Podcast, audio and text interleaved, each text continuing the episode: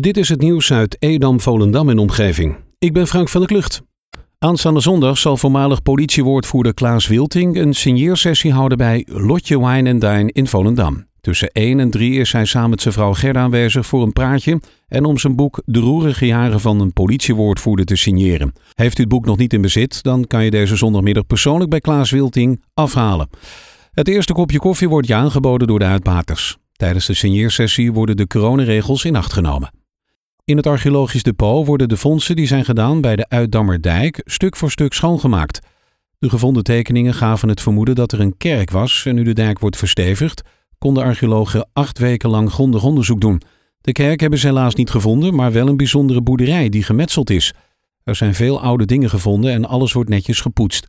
De vondsten zullen bewaard blijven en verder onderzocht worden, zodat het stukje geschiedenis op de Uitdammerdijk niet verloren gaat.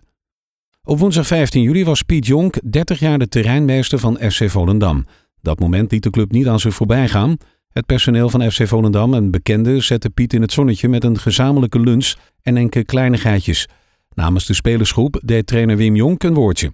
FC Volendam is bijzonder trots op de inzet van Piet en hoopt nog jarenlang te kunnen rekenen op zijn vakmanschap. Er zijn zes bouwprojecten in de regio Zaanstreek-Waterland die meedingen naar de Arie Keplerprijs 2020. De prijzen in verschillende categorieën worden eens per twee jaar uitgereikt aan plannen op het gebied van architectuur, stedenbouw, landschap, ruimtelijke ordening en cultuurhistorie in de provincie Noord-Holland. Waterland dingt mee met het nieuwe gebouw van de gemeentewerf van de Hoge Dijk in Katwoude. Dat meldt het Noord-Hollands Dagblad. Het pand voorziet in werkplaatsen, stallingsruimtes, opslag en personeelvoorzieningen. Met name de houtbouw van het complex springt in het oog. In de regio Zaanstreek-Waterland is de werkeloosheid en dus het aantal WW-uitkeringen explosief gestegen. Er werden in juni bijna 5900 uitkeringen verstrekt. Dat zijn er 31% meer dan vorig jaar. Als UWV-werkgebied kende Zaanstreek-Waterland in juni de grootste stijging van Noord-Holland ten opzichte van de maand mei 2,3%. Toch ziet het UWV ook een licht herstel nu met name de hotels en de horeca weer iets opkrabbelen.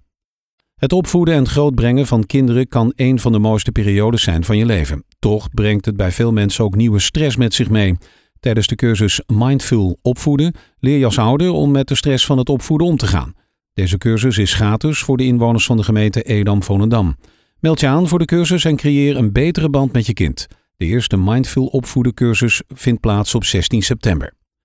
De politie van Purmerend kreeg in de eerste helft van dit jaar 442 meldingen van geluidsoverlast te verwerken uit de gemeente Purmerend. Dat zijn er 169 meer dan in dezelfde periode vorig jaar.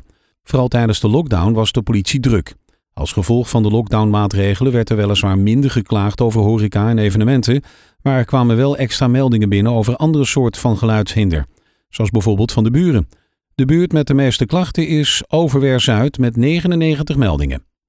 Deze regio in Noord-Holland loopt dit jaar bijna 1 miljoen euro mis aan toeristenbelasting door de coronacrisis. Op basis van cijfers van het CBS en het NBTC heeft het Centrum voor Geldzaken onderzoek laten uitvoeren naar de lokale vermindering van de te ontvangen toeristenbelasting. Edam-Volendam loopt een bedrag mis van zo'n 502.000 euro.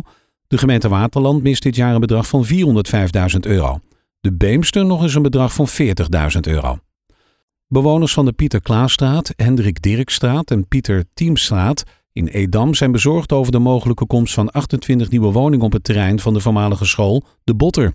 Volgens de mensen uit de buurt worden er te veel, waardoor ze denken dat er problemen zullen ontstaan. Daarbij voelen de burgers zich niet gehoord door de gemeente. Ze maken duidelijk dat het participatietraject rond de huizenbouw te wensen overlaat. Tot zover het nieuws uit Edam, Volendam en omgeving. Meer lokaal nieuws vindt u op de Love Kabelkrant, onze website of in de app.